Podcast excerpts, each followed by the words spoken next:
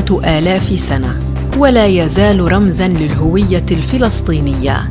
جميل أنيق يصلح لكل زمان ومكان. لا تخلو منه خزانة أي فلسطينية فهو جزء منها يعبر عنها بأشكاله التقليدية والعصرية وبألوانه وخيوطه الحريرية. تعتبره كنزها الروحي تلبسه لتقول بعز أنا فلسطينية وهذا ثوبي.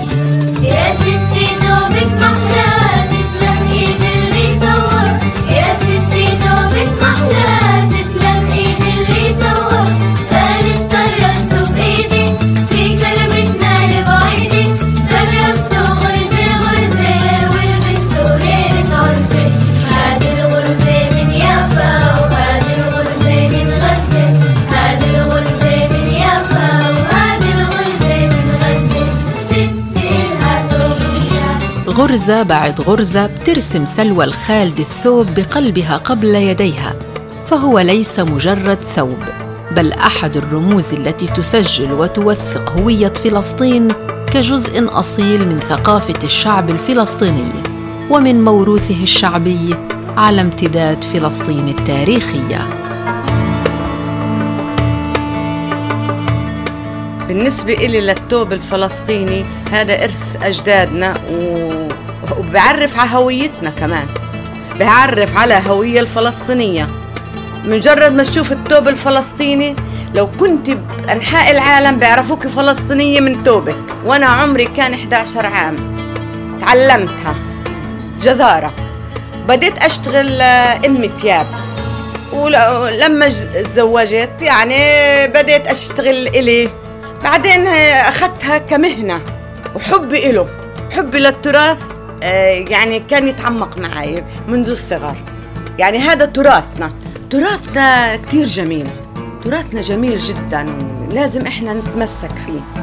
لأنه هذا بقى هويتنا وحكاية وطن. حكاية وطن هذا التوب. يعني تكون الست بتشتغل وهي بتستمتع وهي بتطرز بالثوب هنا تعرض كل الأثواب المعلقة بعز. تعرض سلوى حصاد العمر في عشق التراث اللي دفعها من وهي بنت 11 سنة إنها تتعلم التطريز. واليوم صار لها 35 سنة في هالمهنة اللي بتعتبر مصدر دخل إلها ولعشرات النساء العاملات في مشغلها اللي اختارت له اسم بازار القبائل.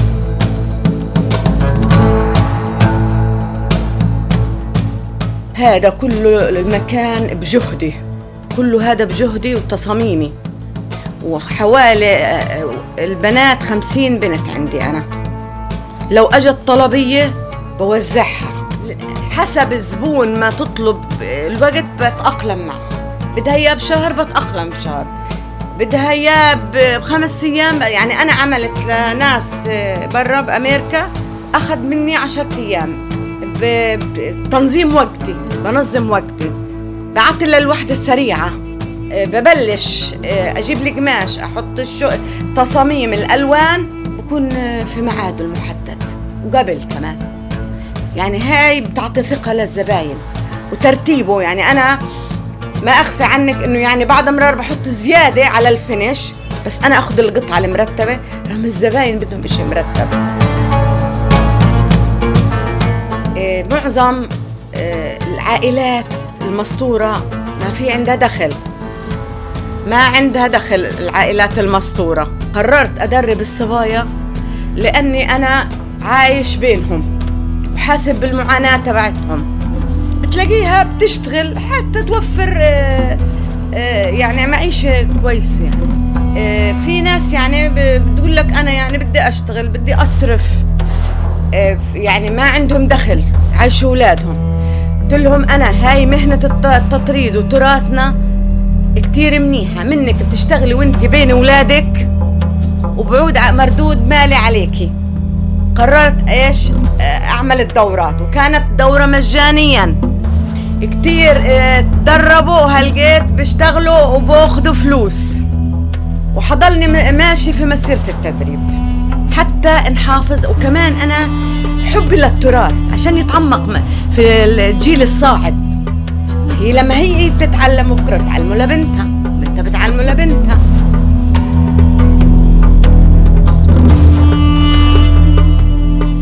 الثوب الفلسطيني مش مجرد زي وإنما عروة وثقة تربط المرأة الفلسطينية بأرضها وبقضيتها.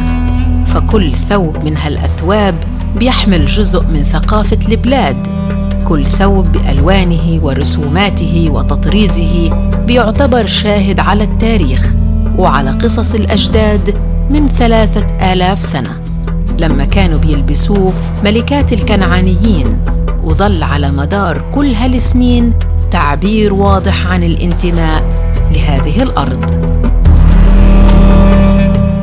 توب آه بيختلف. بيختلف في إيش؟ النقلة. النقلة. يعني عندك مثلا هي الرسمة يعني آه الرسمة. مش الغرزة المجدلاوي جنة ونار وجلجلة وأبو 200 اسمه. مثلا كل بلد إلها عرق. مثلا هاي مثلا آه، الفلوجة. إلها رسمة. هاي كراتية. هاي يافا. هاي الرملة. هاي سدود. توب سدود بيختلف مثلا عن الحمامية. بيختلف عن دير سنيد بيختلف عن آه، يافا حيفا. كل بلد إلها عرق. الأرملة إلها توب. المطلقة إلها توب. اللي حادة إلها توب. يعني مثلا بميل للون الأزرقات آه الأرملة. آه والمطلقة برضو إلها ألوان تانية يعني. ألوان مش العرق. العرق بضل عرق. بس يعني هو معظم كل الألوان يعني توتو أحمر وألوان ملون بسموه الألوان النارية. بعدين ما بعد بصير الواحد إيش عجبني بدي أزرق بعمل بدي أخضر. بس أنا أنا كسلوى بحب الألوان التراثية الأصيلة. والحلو في المرأة الفلسطينية إنه ولا مرة ممكن تفرط بالثوب الفلسطيني مهما مرت عليه سنين. فبتعمل سلوى على إعادة تدوير كثير من الأثواب اللي عمرها عشرات السنين وبتحمل ريحة الأمهات والجدات. آه أنا أنا عملت جاكيتة الأسبوع اللي فات وعباية وعملت فساتين أفراح إعادة تدوير وهيو. ومبارح اجتني واحدة بدها جايبة توبين بدي أعيد تدويره بس أنا ما بأخذ القرار على طول. بدي يعني الإشي المناسب أعمله إلها. تجيني الست تحكي لي هذا توب أمي توب البلاد من ال 48 وأنا معتز فيه. هذا التوب. أنا معتز فيه. بدك تدوري لي عشان أحافظ عليه لأنه من إرث أمي ومن أجدادي. ببلش أختار لها الموديل. وبعدين بنقص لها إياه وبنحط لها إياه على قماش آه، ممتاز وبطلع توب بجنن. ورغم مرور آلاف السنوات على هالإرث العريق إلا أنه حضور الثوب اليوم قوي جدا في كل المناسبات خصوصا مع إبداع صانعات الأثواب مثل سلوى في دمج الماضي بالحاضر وإدخال تصاميم عصرية بتحافظ على روح التطريز وبتناسب الصبايا والأجيال الجديدة.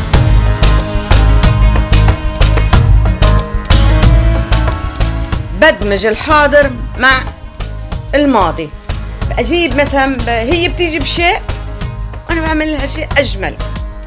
آه بندخل شيفون بندخل إشي اسمه الأطلس. آه بندخل خرز بندخل آه عملات ليرات اسمها بندخلها آه، بندخل آه، ستان زي زي بدل الأفراح بعملهم على ستان ثقيل مش ستان اللي بالسوق إشي يعني الخامة تكون زي بدل العرايس. بستورده من برا أنا. في ثقافة لتراثنا كتير هالجيل في وعي للصبايا. يعني أنا بلاحظ لما بروح على الأفراح بلاقي اللي لابسة شال اللي لابسة توب اللي اللي عندها بتلبسه. آه بجوني هيني بشتغل لأف لأم عريس لأخت عريس.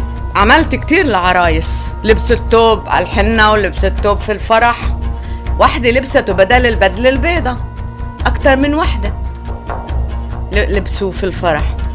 وأنا أروح على الفرح ولبسهم إياه بالإكسسواراته بطرحته بكل لوازمه.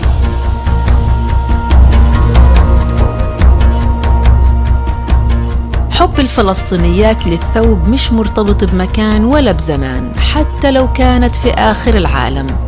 ثوبها هويتها بيعرف عنها. لهيك أثواب سلوى بتسافر بتعدي الحدود وبتتحدى المعابر والإغلاقات وبتوصل من غزة لكل العالم. ليظل هالثوب حاضر كسفير لفلسطين في كل مكان.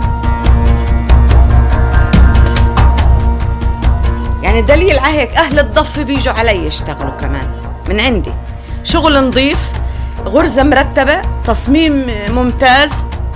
بتراوح التوب من 500 شيكل ل 3000 عندي. أنا لكل العالم اشتغلت كل العالم وصلها شغلي. شو أحكي لك؟ أسمي لك بلدان أه بلجيكا ألمانيا السويد أه لبنان سوريا أه أمريكا كندا عن طريق النت. بتواصلوا عن طريق البريد بوصل لما يكون المعابر مسكرة ما بقدر أبعث بريد. تسكيرة المعابر أثرت علينا والحصار أثر علينا لأنه لما بسكر الخامة بتقل وربما تدخل خامة رديئة. ما, ما بشتغل فيها أنا. كثير أثرت علينا يعني. فترة أجت الخيوط ما تصل لنا القماش ما يصل عنا لأنه إحنا عنا قماش بيجينا من الضفة والخيوط من الضفة. عشان هيك. ورغم إدراج فن التطريز على لائحة التراث الثقافي لليونسكو إلا أن الاحتلال اللي بلا تاريخ ولا هوية ولا تراث بيتعمد سرقة التراث الفلسطيني فالثوب لم يسلم من عبث الاحتلال.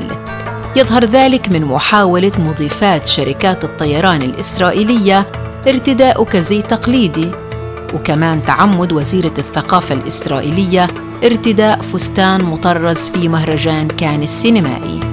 ومن قبلهم كمان زوجة وزير الحرب الأسبق موشي ديان اللي كانت بتزور دول العالم وهي لابسة الزي الفلسطيني.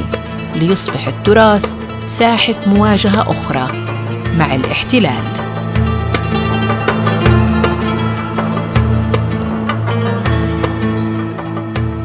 هو بحاول مش بس التوب الفلسطيني الأكلات الشعبية. الدبكة. آه، آه، الكوفية لبسوها. المضيفة الطيران طلعت بتوب.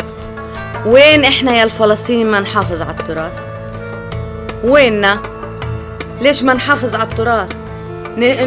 نيجي للسيادات الرياديات ندعمها. ندعمها عشان هي اللي بدها توثق التراث. فلنحافظ على وصية أجدادنا اللي وصونا إياها أجدادنا. ولا خير في أم في أمة آه، لا تأكل مما زرعت ولا تلبس مما صنعت. هذا إرثنا لازم نحتضنه. ما هو يعني لو ما في لك آه، ماضي ما في لك حاضر. لازم تعتني فيه تهتم فيه. طب ما كيف يعني بدك تعرفي على فلسطين؟ يعني هذا جزء من تعريف فلسطين آه، بالنسبة للتوب الفلسطيني. وصيتي لبناتي من بعدي حابة أقول لهم حافظوا على هذا المكان اللي تعبت فيه وشقيت فيه. ويعني إشي عزيز علي ما تفرطوش فيه بالمرة.